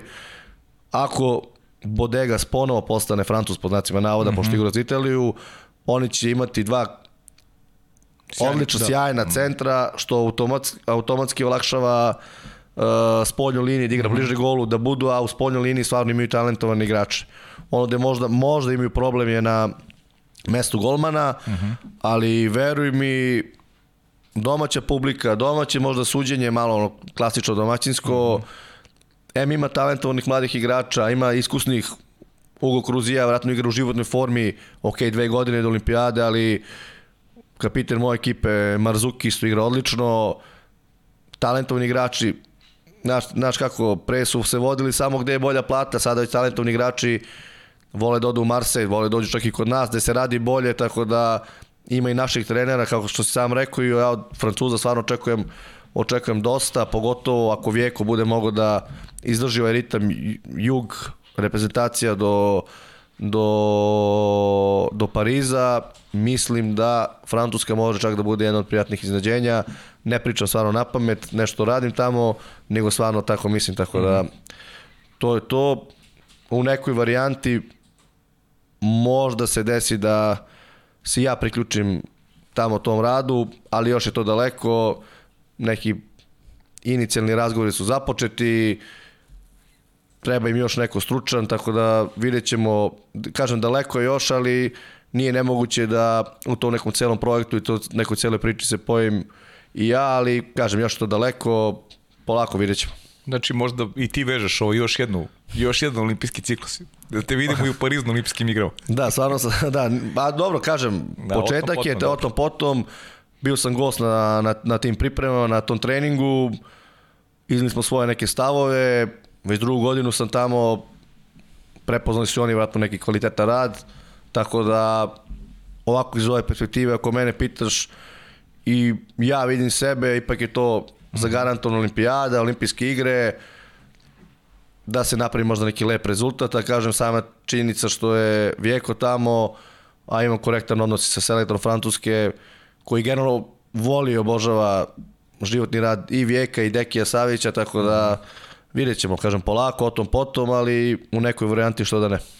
Naravno. Uh, ajde sad da nam kažeš ono što smo malo pre ovaj, se, se dokačili kao, kao teme, e, koliko može Noezi Lesek ove godine protiv Marseja? Marsej deluje da je, ono smo pričali, i bolji nego što je to bio slučaj prošle godine, sa, sa Bodegasom su dobili, su dobili puno, igraju i sjajno. I šta su generalno ambicije, ambicije kluba u, u, u tokom ove sezone? Pa, znaš kako, negde su i u klubu prošle godine, a i kao idemo prebrzo, prebrzo smo, niko ne mhm. očekivao da ćemo biti drugi, traži se samo taj ulazak među četiri, međutim, otvorilo se, bili smo stvarno odlični i sad je negde cilj da budemo u tri. Naravno, bilo bi izvaredno kad i ponovili finale još jedno protiv Marseja. U neku ruku prvi cilj je da probamo da završimo drugom mestu u regularnom delu prvenstva. Samim tim izbegli bi razigravanje četiri finale, nego bi bili direktni polufinalisti. Tako da to je ono što što je cilj da, da se završi na prva tri mesta. Biće izuzetno teško, veruj mi, ili verujte mi, dešava se da posljednje plasirani tim dobije treće plasirano, drugo plasirano i to bez problema. Uh -huh. Prošle godine je bila ekipa Bordeaux koja je bila stvarno ispod nivoa. Evo Strasbourg sa kojima se mi, vjerno su nam najveći konkurenti za drugo mesto, je posljednjem napadu pobedio ekipu Setea koja je drugo od pozadi koju smo mi dobili pre 7 razlike dole. Tako da uh -huh. Biće još klizanja, nažalost, i gubitka bodova, ali onako jedno zanimljivo prvenstvo, stvarno. Prošli put smo pričali, svakoj ekipi ima sada četiri ili pet stranaca, neki su već i naturalizovali, pa uh mhm. -huh. ima ekipa, verujem, koji ima šest stranaca, samo su sada francuzi, tako da... Pa to će biti sve više. Da, da, verovatno, tako da mi ciljamo finale, pokušat ćemo, ali neki realan plasanje među tri, tri mesta. Uh mhm. -huh. Što se mene lično tiče, ja sam u neku ruku smo dogovorili, produžili saradnju za uh. -huh. još jednu godinu. Vidim sebe negde do, do, do u francuskom vaterpolu do, do Pariza, posle ćemo videti, ali generalno u klubu su iskazali zadovoljstvo. Ja sam zadovoljan i sa ekipom i sa uslovima, tako da verujem da ćemo napredovati zajedno i klub i ja. Ko zna, možda do tih nekih možda i ozbiljnijih takmičenja poput Lige šampiona, učestvovanja predsjednica je jedna jako ambiciozna poslovna, poslovna i sposobna žena, tako da onako čega se ona dohvati, mislim da to ide ka tome, tako da vidjet ćemo, ja sam lično zadovoljan, dobra polusezona, ali tek nas sad očekuje, kao što sam rekao, i prekid i, nastava takmičenja, tako da, evo, na primjer, ove godine se igra francuski kup posle dužeg godina, posle dužeg niza godina, njima je to takmičenje onako nije ku svim ostalim zemljama jako bitno, kod nas je kup, na primjer, bitan, da. ali eto, vraća se krajem januara, imamo kup, pa ćemo vidjeti možda na jednu utakmicu možemo i da napravimo neko, neko iznenađenje. Ja, kaži mi ovo, još jedno pitanje vezano za Francusku. Teritorijalno, gde se igra vaterpolo sve u Francuskoj? Ili obuhvata celu zemlju ili ima neka regija koja je onako, uh, onako posebna kada govorimo o, o nekoj prosto, prosto mestima gde se, gde se vaterpolo najviše igra? Pa u suštini on će ti reći da je vaterpolo krenuo da se igra prvo na severu, naravno uh mhm. -huh. Engleska, pa su, pa su i ozbiljni klubovi i najbolji klubovi su sa severa, međutim Mars se stvarno ima dominaciju poslednjih deceniju, znamo da je tamo bio i Nikola Stamenić, sad je Čepa, da.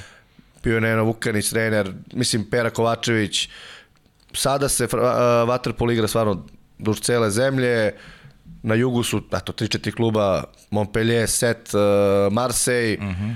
Aix-Provence, jedan fantastičan grad, uh mhm. -huh. sa isto, verujem mi, možda je najlepših bazena koju kojima sam bio, imaju i publiku koja dolazi da ih bodri, na primjer, jedan izvaredan klub za, za, za rad, a naravno na severu su, eto, mi, ta ekipa Turkuana koja je prošle godine igrala sa Zvezdom četiri finale Len Kupa, znamo i sami da Zvezdi nije bilo lako, uh, Strasbourg, tako da onako igra se u celoj zemlji, ali Waterpolo je u Francuskoj počeo sa severa, pa se tek spuštao dole prema jugu. Uh mhm. -huh. Saro, ćemo na olimpijske igre, a? Pa naravno. Ajde. Što se mene tiče, u svakoj emisiji bih pričala o olimpijskim igrama i uvijek je lepo da dođe neko ko je bio na olimpijskim igrama pa da nam prenese svoje utiske. Nećemo prelaziti sad utakmicu po utakmicu, ali ajde celokupnu grupnu fazu da prokomentarišemo. E, ono na što bih ja možda stavila akcenat jeste ta utakmica protiv Hrvatske, jer je to bio poraz, i eventualna utakmica protiv Crne Gore, gde je rezultat bio dosta ubedljiv i to je bio najubedljiviji poraz Crne Gore još od 2014 kad, od kad su igrali sa nama, naravno. Pa, što kažeš ti, i treba da se ponavlja na svakoj emisiji, jer dvo, dvostruki smo olimpijski pobednici i vjerojatno su ovo najbolji dani za vaterpolo još od, ne znam, vratno Seula tamo, ne znam ja ko, koje godine i zasluženo je tako. Zasluženo je tako. Uh, krenulo je stvari sa porazom od Španije. Mm -hmm. uh, gde sam ja i tada rekao, naravno, niko od nas, niko, ne samo što je bio poraz, nego ti španci nas se nešto prolače već zadnje 3-4 godine, ispalo je da ja uvek citiram Filipa Perona, njihov najbolji igrača, koji je rekao, pa čekaj, vi ste nas 10 godina pobeđivali, mi sad ne možemo 4-5 utakmica za redom, tako da i opet smo izgubili na početku, nije tu padalo ni samo pouzdanje, verovali smo mi da možemo do kraja, ali nekako nam nije bilo prijetno posle tog prvog kola, gde je usledila posle dobra reakcija, pobedili smo Kazahstan i Australiju i negde taj poraz od Hrvatske je bio neka, neka ponovo ta neka inicijalna kapisla da se probudimo stvarno da bliže se kraj grupne faze i utakmice za medalju čet finale i negde posledica, ti momci su šampioni, ali osjećala se neku ruku, mi smo to jutro znali da smo sigurno prošli dalje. Uh mhm. -huh daleko od toga neko nije teo da pobedi Hrvatsku, da se ne nazovemo ta utakmica sama po sebi nosi naboj, ali osetila se neka vrsta olakšanja, grupa je prođena ili mnogo zakomplikovala Australija koja je pobedila Hrvatsku i onda se svi su mislili da će biti dovoljno za prolaz pobeda nad Kazahstanom i nad Australijom. Međutim, nekako Španija dobila Australiju to, to jutro i mi smo igrali sa Hrvatskom, verovatno smo podsvesno se malo opustili i imali smo naravno sastanak, Dejan je to ono što i najbolje radi, ume da prepozna situaciju, resetovao nas i došla ta utakmica protiv Crne Gore koja je bila najbolja. Neka priče da su da je Crna Gora htela da izbegne ne znam, nekog drugog, da ide na Grčku, da je namerno izgubila nas, to nije zanimalo. Mi smo bili maksimalni od početka do kraja. U kraljenju liniji sama si rekla je najteži poraz za Crnu Goru. Posle te utakmice i te reakcije mi smo videli da da stvari idu u dobrom, dobrom smeru i kako ti kažem, svi smo u mislima imali tu Španiju, znaš, da će, šta će biti. Dejan koji nikad nije volao Italijan, Italijane zbog cele te logistike koja, koja je... Koji ih prati. Koji ih prati, tako dalje. Mi smo ih stvarno demolirali u četiri finalu, kontrolisali utakmicu od početka do kraja, nisu bili u priči. Tu je već mirisalo da smo oni pravi, kao što uvek bilo najbitnija olimpijada od četiri finala Do tad je da li si prvi ili četvrti u grupi, stvarno nije, nije ni bitno i mi smo nekako eto, tu protiv Italije, sjeća se Mića ulazi u slučionicu i kaže da idem kući bez borbe za medalju, završavam, ne, ne pada mi na pamet, tako da tu smo već osetili da se da možemo. I dolazi ta Španija čuvena gde ova stoji u glavi da su te ipak pobedili četiri u poslednjih na primjer šest utakmica imaju pet pobeda ali ja ne rešim, ne znam ja više koliko je kako je to završilo tako da vi ste svi gledali od tog čuvenog vara te energije koja je bila Ćiro, ta famozna utakmica sa Španijom, malo, malo preskačemo, ali, ali nije važno što preskačemo, ljudi nas ovaj, razumeju nas. E, Španija koja je, ne znam, ono je, kada gledam kao navijač, e, možda najviše emocija koje je jedna utakmica donela onako navijački, osetili smo sa strane, ostiš neku nepravdu, vidiš da, da stvari nisu kako treba, makar to, kada sad pričam iz navijačkog ugla, vi tamo to možda imate drugačiji utisak, ali i ta emocija, ta bujica emocije i kod igrača posle tog meča je neki pokazatelj koliko vam je i bilo važno i, i koliko, koliko je bilo teško pobediti, pobediti Španiju u tom polufinalu. Pa, slažem se, ta Španija stvarno igra možda i najbolji vaterpol u poslednjih par godina. Imali su uvek neke dobre utakmice u polufinalima, u četvrtfinalima, ali nikako ništa nisu svojili, niti Koreju 2019. niti Budimpeštu 2020. i što bi rekao, mislim da je Andrija to rekao, pa nije bilo ni zasluženo ni prva zlatna medalja bude na olimpijadi. Što se tiče emocija, za mene lično ove dve poslednje, ova dva ciklusa, to je nešto neponovljivo. To što se dešavalo na klupi, mm -hmm. u bazenu, od onog klasičnog srpskog inata, do možda i pokazatelja zbog čega ova generacija osvojila dve zlatne medalje. E, taj timski duh, to zajedništvo, zajedno i sa stručnim štabom, znači od doktora, terapeuta, preko nas na klupi, to je prosto eksplodiralo. Taj neki var, koji je opet, ja i sad kad gledam taj gol za mene, nije ušla ta lopta, mm. oni su nešto vidjeli, mislim da se Mitor okrenuo prema svima nama, rekao ovako, ovo ne može da prođe, razdro se onako, ali stvarno su svi bili od Filipa, nas na klupi i to je pos, prosto eksplodiralo. Uh, mislim da se mnogima i suze pojavile odmah pri kraju utakmice i nakon same utakmice to je prosto izašlo i evo do sada u karijeri ja dugo sam već trener, ništa slično nisam doživeo jer to je prosto ne znam gde smo uhvatili tu energiju, u tom trenutku gde smo je našli, prosto Španci nisu imali šanse, imate jedan, za mene to pokazatelj, zbog čega smo mi šampioni, zbog čega su ti igrači mm šampioni. Uh, mi smo ih stigli posle vara na jedan gol razlike i Jakšić je napravio isključenje u polasku u napad. Udario njihovog centra ili šta god je uradio, sudija svira isključenje i taj, mislim da je dalje bio Del Toro ili ne znam ko je bio, bio sam ispred gola ili Bustos možda bio drugi centar. Uh, I posle mi na našoj kameri videli, ja to nisam video, to je 1 na 0, ostaje igrač 1 na 0. Munar izdrži loptu i vidi se da kaže, ne znam da je Detoro Bus pokazuje, ne bace mi.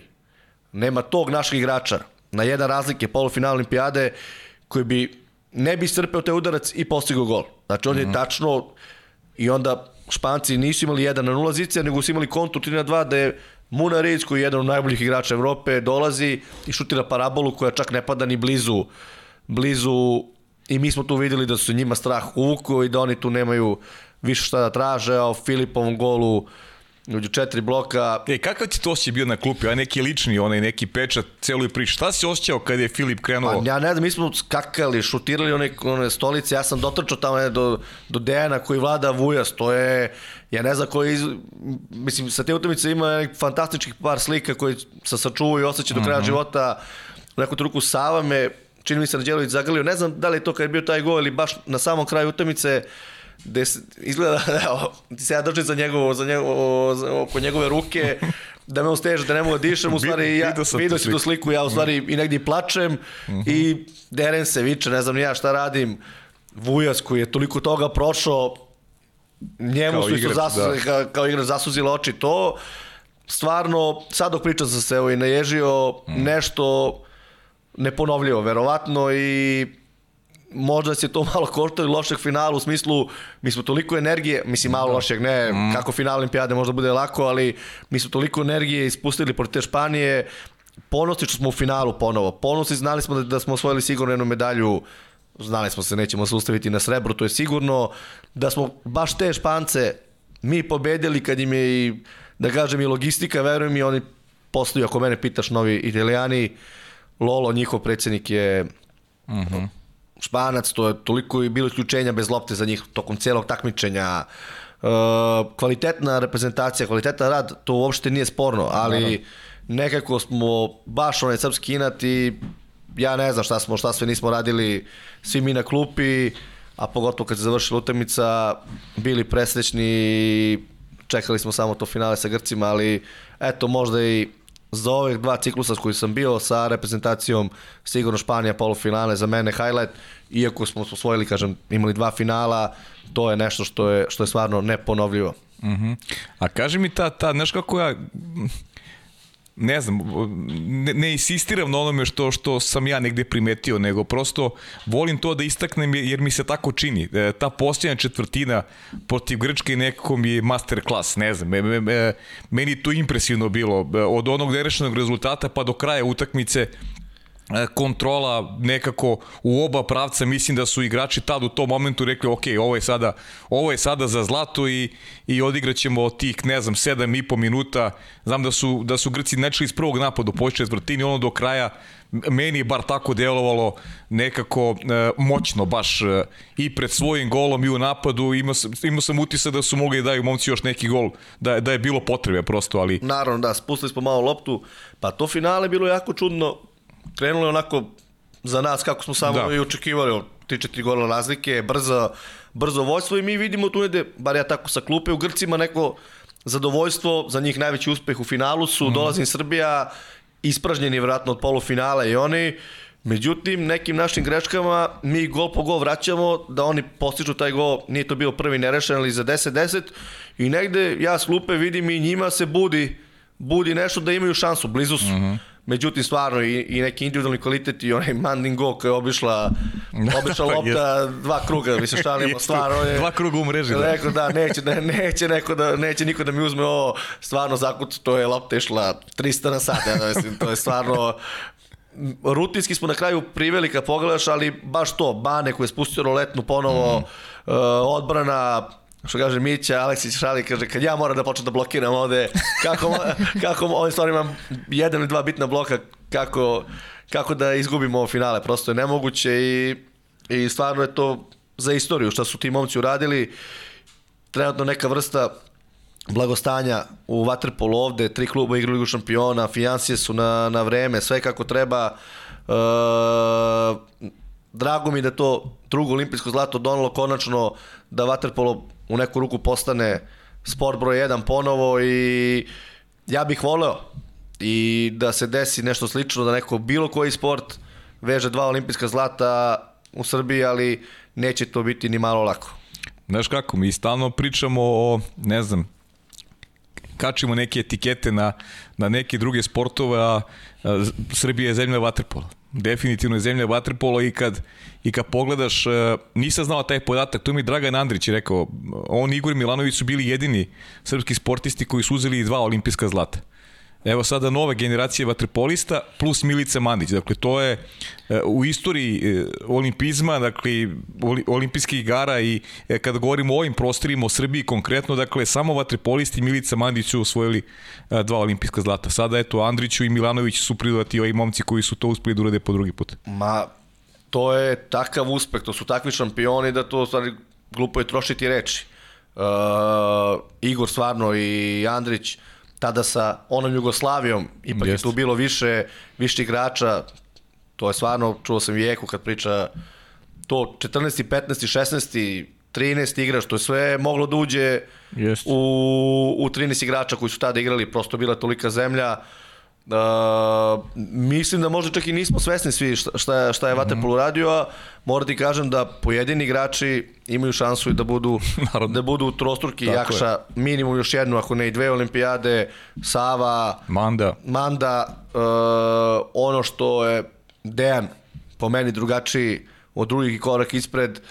Dolaze igrači uh -huh. koji za sebe imaju 6-7, već 8 priprema letnjih uh -huh. sa A reprezentaciju. Dolaze igrači koji već imaju veliko takmičenje za sebe.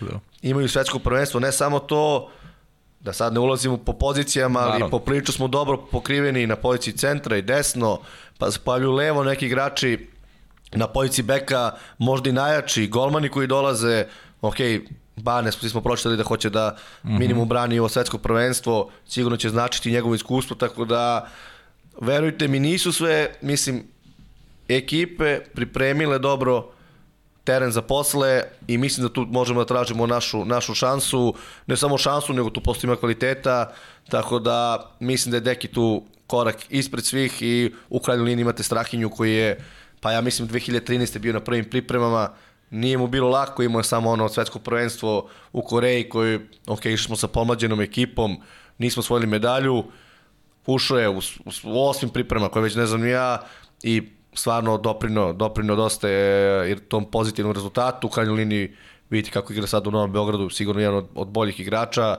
tako da na početku sezone tu mislim da mi možemo da tražimo ne samo medalje na šansu na evropskim i svetskim, nego i na toj olimpijadi u Parizu, tako da stvarno korak smo ispred svih, čini mi se, u tim mhm. nekim stvarima i Hrvati možda čak i veću smenu generacije nego što smo mi očekivali. Nema Jokovića, da. Bušlja, svi su pričali da će oni odigrati Čavi Split. Garcia. Da, će odigrati Split, međutim to se na kraju nije ispostavljao kao tačno, tako da vidjet ćemo. Španci isto i oni su pripremili neke mlade igrače poput Granadosa, uh mhm. -huh. Sanahue, Tahulj centar nije, nije ni on suviše stari igrač, čak naprotiv, mislim da je Jakšino godište, tako da i oni će imati dobru ekipu, ali ispred smo nekih, to je, to je sigurno.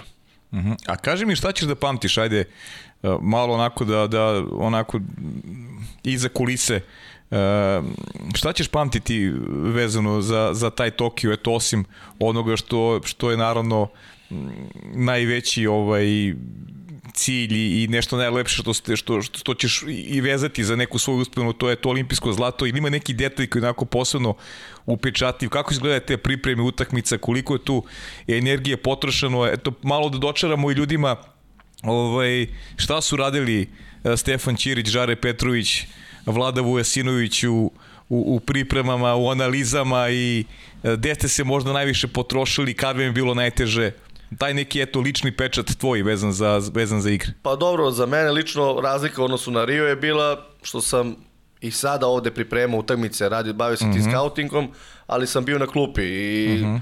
sama ta činjenica za mene već, već bila onako jedan veliki korak napred, a znaš kako, stvarno smo svi dugo bili zajedno mm -hmm. i to je neka rutina koja, mislim rutina, ne bude rutina kada izgubite utakmicu ili ne znam ne ide, ali zna se koji je to put. Završi se utakmica, svi ovi koji si nabrao kod Dekija sve nađemo u sobi, Uh, ok, sad je to i zajednička soba bila Žaretova i, i Vujasova i Dekijeva zato što je takav koncept na olimpijadi i ide analiza naše utakmice gledanje sledećeg, iskrivljene sledećeg protivnika. Neka to bude do 3-4 ujutru, 5, zavisi kako kad. Uh, naros sa ovim ljudima koji si nabrao nikad ne može da bude dosadno, to, mm -hmm. to mora da znaš. Ima svega, tuga je, mislim ja svega alkohola, klope u 4 ujutru u menzi, znači nema, nema, nema govora da je bilo zanimljivo. Pratili smo druge sportove, na primjer. Je tako? I sad nije, nije highlight, ali smo pratili na uh mhm. -huh. TV-u. Vujas baš voli da gleda košarku, pa smo gledali Slovenici, smo pratili. Uh mhm. -huh. Imamo jedan zanimljiv klip, ali naravno ostaće sa nama. Pratili smo košarkašku reprezentaciju Slovenije, bili su s nama u zgradi. Dončić, eto, tu bio ono, kao jedno najvećih NBA zvezdi, uh -huh. zvezde koji trenutno igra često ono, sret, sretali u liftu i oni su, znaju da smo mi vaterpolisti, smo tu među, naravno, među najboljima, tako da uh, nije se u mnogome razlikovalo od Rija, što se tiče posla i, mhm. -huh. i nekih tako sličnih stvari, ali bilo anegdota stvarno, naravno, ima tu dosta naših sportista, uh, meni, ja tu imam jedan suvenir, mada, ajde, Nole nije, nije, nije odigrao dobro, sada mogu da kažem, Novak je polomio neki reket na posljednjem treningu pred, pred uh, pred, uh, pred početak olimpijade. Mm -hmm. I sad Trojicki koji tu se pojavio, na, koji je bio njegov trener tamo na, na spratu, ja sam mu pričao da stvarno, ja rek, privatno volim da igram tenis i kako je prolazio neko da terapeut sa tim reketom, pitao je li obećan neko taj reket, nije, kaže daj damo momku voli tenis i to, to ostalo mi uspomena nevezana za vaterpolo, no, Novakov reket, naravno ja sam ga našao posle dole s potpisom, tako da eto ima i ta neka van vaterpolo, van vaterpolo, van vaterpolo priča, sačuvao sam ga naravno, donosam sam ga ovde, ići ću u ram, Sjaj. tako da to je to, a ovako jedan stručni štab stvarno i to je bila jedna sigurno bitna, mora da napomenem, ta neka hemija koja je postala između nas, Žare, Žare i Vlada koji su odrasli sa Dekijem, doktor Repac koji je stvarno jedan fantastičan lik, neurohirurg, što mi kažemo na granici ludila i, i, i, i, i genijalnosti i Vlada Radović koji je, koji je terapeut tu godinu koji igrače obožavaju, prosto i iskren, iskren odnos i u stručnom štabu, hemija prosto nije moglo, nije moglo da Domani naravno Rođe koji vodi teretanu, ali nije bio sa nama na, mm -hmm. na, na, prip, na, Na igrama. na, na igrama i Paja koji je otkazao nekako uvijek je bilo taj neki odličan odnos uh, i u stručnom štabu i među igračima veliko poštovanje i to je jedan od preduslova da se da se osvoje olimpijske igre, tako da bilo je svega, stvarno, pa olimpijske igre nose to što nose, ali smo mm -hmm. zatvoreno bilo i dalje je to bilo COVID, svako je to testiranje, nije tu bilo nekih prevelikih priča, nije bilo ja ne znam da smo što, u stvari izašli, nismo izašli sela mm -hmm. da kao prošetamo i tako nešto, tako bili smo fokusirani na cilj, malo dele ko fraza, ali stvarno je tako bilo i na kraju se završilo na najbolji mogući način i nisu mogli ti momci da se oproste bolje, zasluženo nego sa zlatnom medaljom, ušli u istoriju, ponavljam jesu Igor i, i Dragan Andrić stvarno, mm -hmm, jedini Srbi sa dva zlata, sad, sad ih ima više, ali iz ove neke male zemlje, to je, čak Igor rekao na nekom intervju posle, čito, Igor Milanović, čitao sam da su oni čak i s ovim drugim zlatom prevazišli njih dvojicu, tako da to isto je jedan pokazatelj, a drago mi je da, što sam rekao malo pre, pojedinci imaju šansu i za treće. Pa da, to, to, je, to je suština cele priče. Pa mislim, ne da nije fraza, u ostalom konačno epilog je pokazatelj da, da je fokus bio isključivo na, na, na to osvojiti zlato i to je nešto je fascinantno, vi pričate pet godina unazad da je to cilj i, i tog cilja ste se držali i do tog cilja došli i da niste došli ista bi priča bila vezano za, za, za generaciju koja je fenomenalna, ali ono što je eto highlights i ove naše priče koju polako završavamo da, da eto taj stručni štab koji si nabrao i makar većina stručnog štaba više neće biti uz, uz Dijana Savića, ti e, Žare Petrović, tako Vlada Vujas, nećete biti sad deo tima koji će, koji će se pripremati za Evropsko i svetsko prvenstvo naredne godine. Pa tako je, ali to je nešto što je bilo očekivano, nešto smo uh -huh. manje više svi dogovorili. Mislim da ni Vlada Radović neće biti, da će uh -huh. ostati samo Repac kao doktor. Uh, obaveze u klubovima, kao što vidiš i ovde, meni u krajnjoj liniji klub nije ni dozvoljavao da sam i nastavio saradnju sa Dekijem, ja na svetskom prvenstvu ne bi mogao da, uh -huh. da, da budem. Uh, Vujas koji je dobio stvarno ima prevelike obaveze sa Novim Beogradom, Žare koji na Malti i tamo je toko ulaska, izlaska, dolaska, odlaska zbog ove situacije s covidom.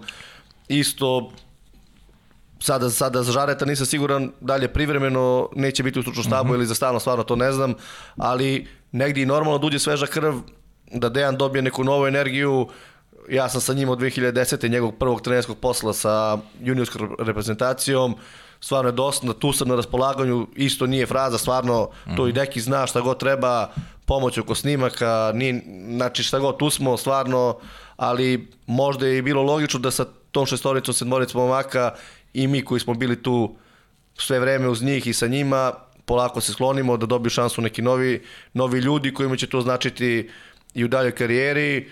Za, za nas je uvek čast bila i bit će da budemo uz reprezentaciju nikad tu neki novac nije bio presuda, nikak, nik, a u krajnjoj liniji preživjeli smo jako teške godine od 13. do eto, neke 17. 18. i čak i to malo što je bilo nije, nije, nije bilo na vreme, tako da zbog toga se sve pozitivno desilo, imali smo samo sportske ciljeve, rezultati su bili na prvom mestu i hvala Bogu rezultiralo je ne samo sa dva olimpijska zlata, nego i sa svetskim, evropskim, tako da tek će, tek će biti, ja mislim. Tako da želim eto sreću stvarno i novom stručnom štabu i Dekiju ponovo da nastavi sa ovim rezultatima, mi smo tu uvek naravno.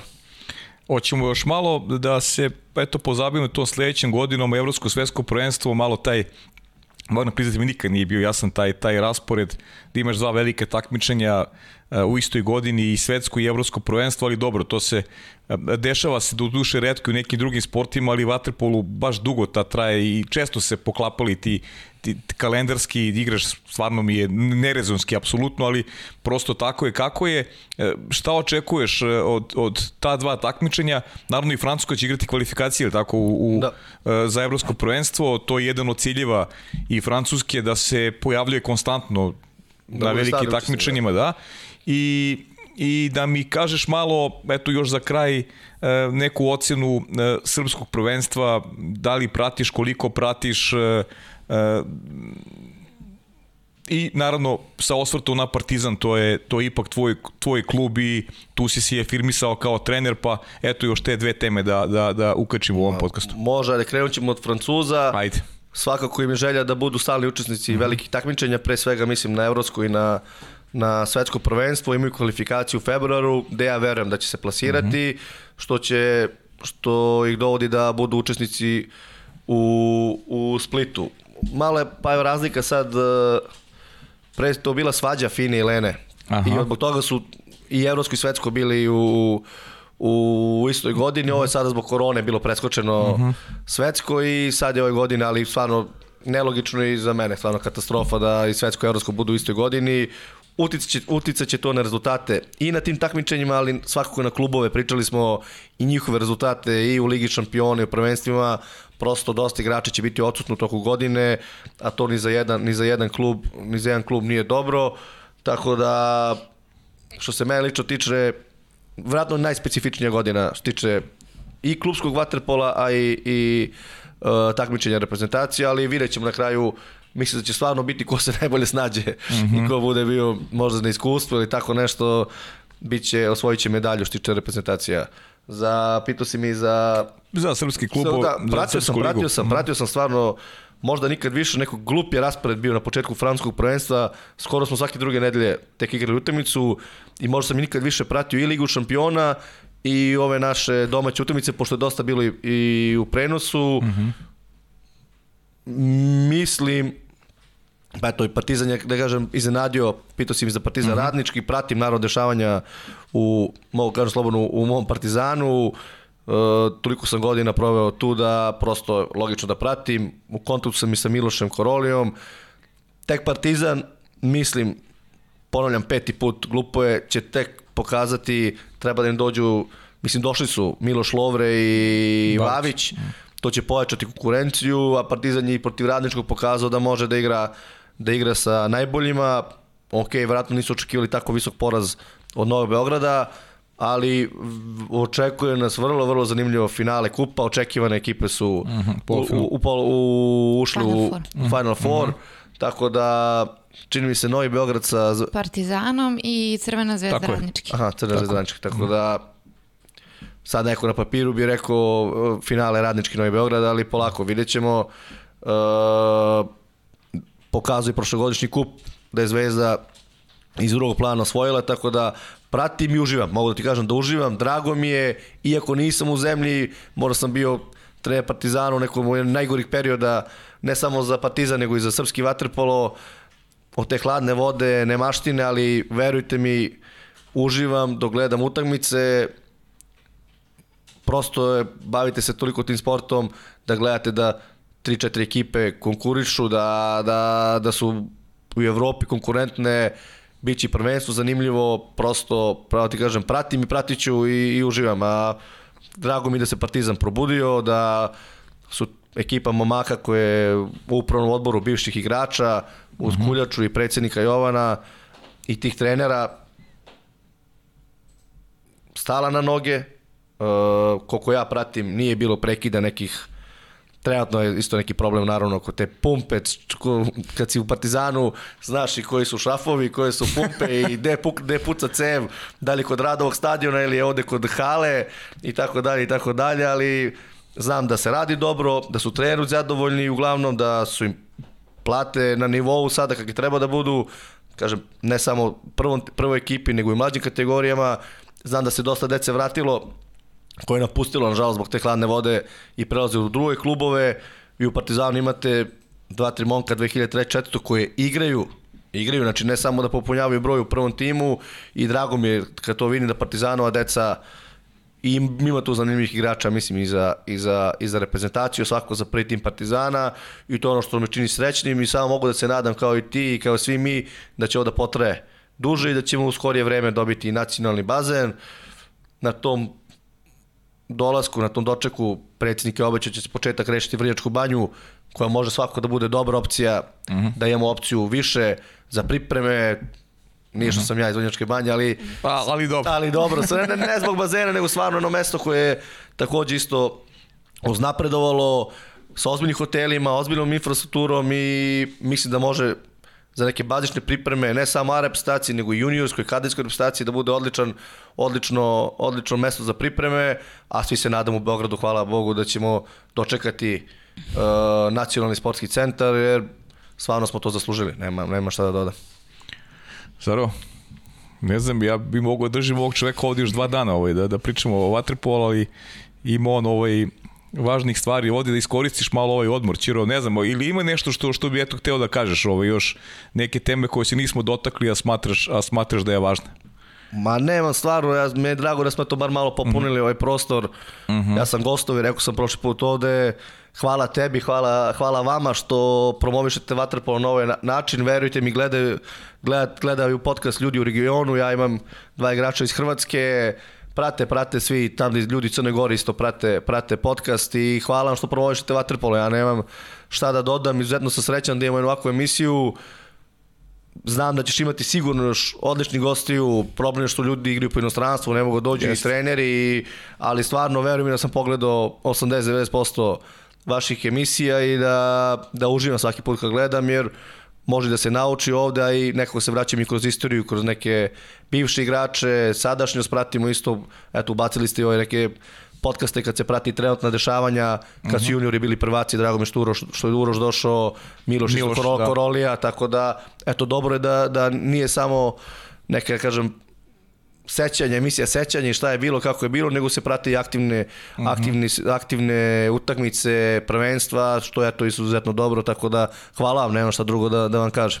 Hvala Čiro tebi i vidjet ćemo se sigurno ponovo, biće, biće tema, uh, tek ti čeka verujem, jedna super karijera i želim ti od srca da to bude uh, onako kako ti planiraš, da pozdraviš porodicu, znam da čekaš i prinovu, to je u stvari najvažnija stvar koja se dešava u, u porodici Ćirić. Jeste, jeste, čekamo i, i drugog, drugog sina. E, nažalost, o ludilu korone, jedno, evo, stariji ima godinu i po dana, verovatno nisam tri meseca proveo sa njim, nažalost, bilo je mm. i pripreme i olimpijada i sada Francuska, teško se ulazi u Francusku, ali eto, hvala, eto, hvala Veri, stvarno izdržala je, sada je deveti mesec, izdržala je muški, da tako kažemo, da. sve ovo stvarno bez, bez muža, bez, znate kako to ide, nije, nije, nije lako, kažem, Francuska je baš bila rigorozna u prvoj godini oko ulaska, sa koji COVID pasošima, propusnicama, ko može, ko ne može, tako da, hvala joj, eto, to je to, a čekamo, to je najbitnije, uživamo u odmoru, kao što si rekao, i uglavnom ga provodim sa ljudima iz Waterpola, ali ipak je to odmor i čekamo, eto, tu još jednu prinovu sredinom januara, pa Biće sve u redu, nadam se i to je to. Hvala još jedno što da vam kažem. E, sad ja ću još za, za kraj onako da, da otkrijem Uh, mogu to da kažem, da, da ćemo neko skorije vreme ugostiti i tvog brata blizanca Miloša koji, koji radi u, u Pro Reku, pomoćnik i trenutno Sandru Suknu, uh, tako da ćemo eto imati, imati priliku da ovaj, upoznamo i drugog Ćirića, trenera Miloša, na moje veliko zadovoljstvo, ali eto, dogovorit ćemo se sa, sa Milošom oko termina kada ćemo tu emisiju, kada ćemo tu emisiju da snimimo. Ma pojavit ću se ja umesto njega.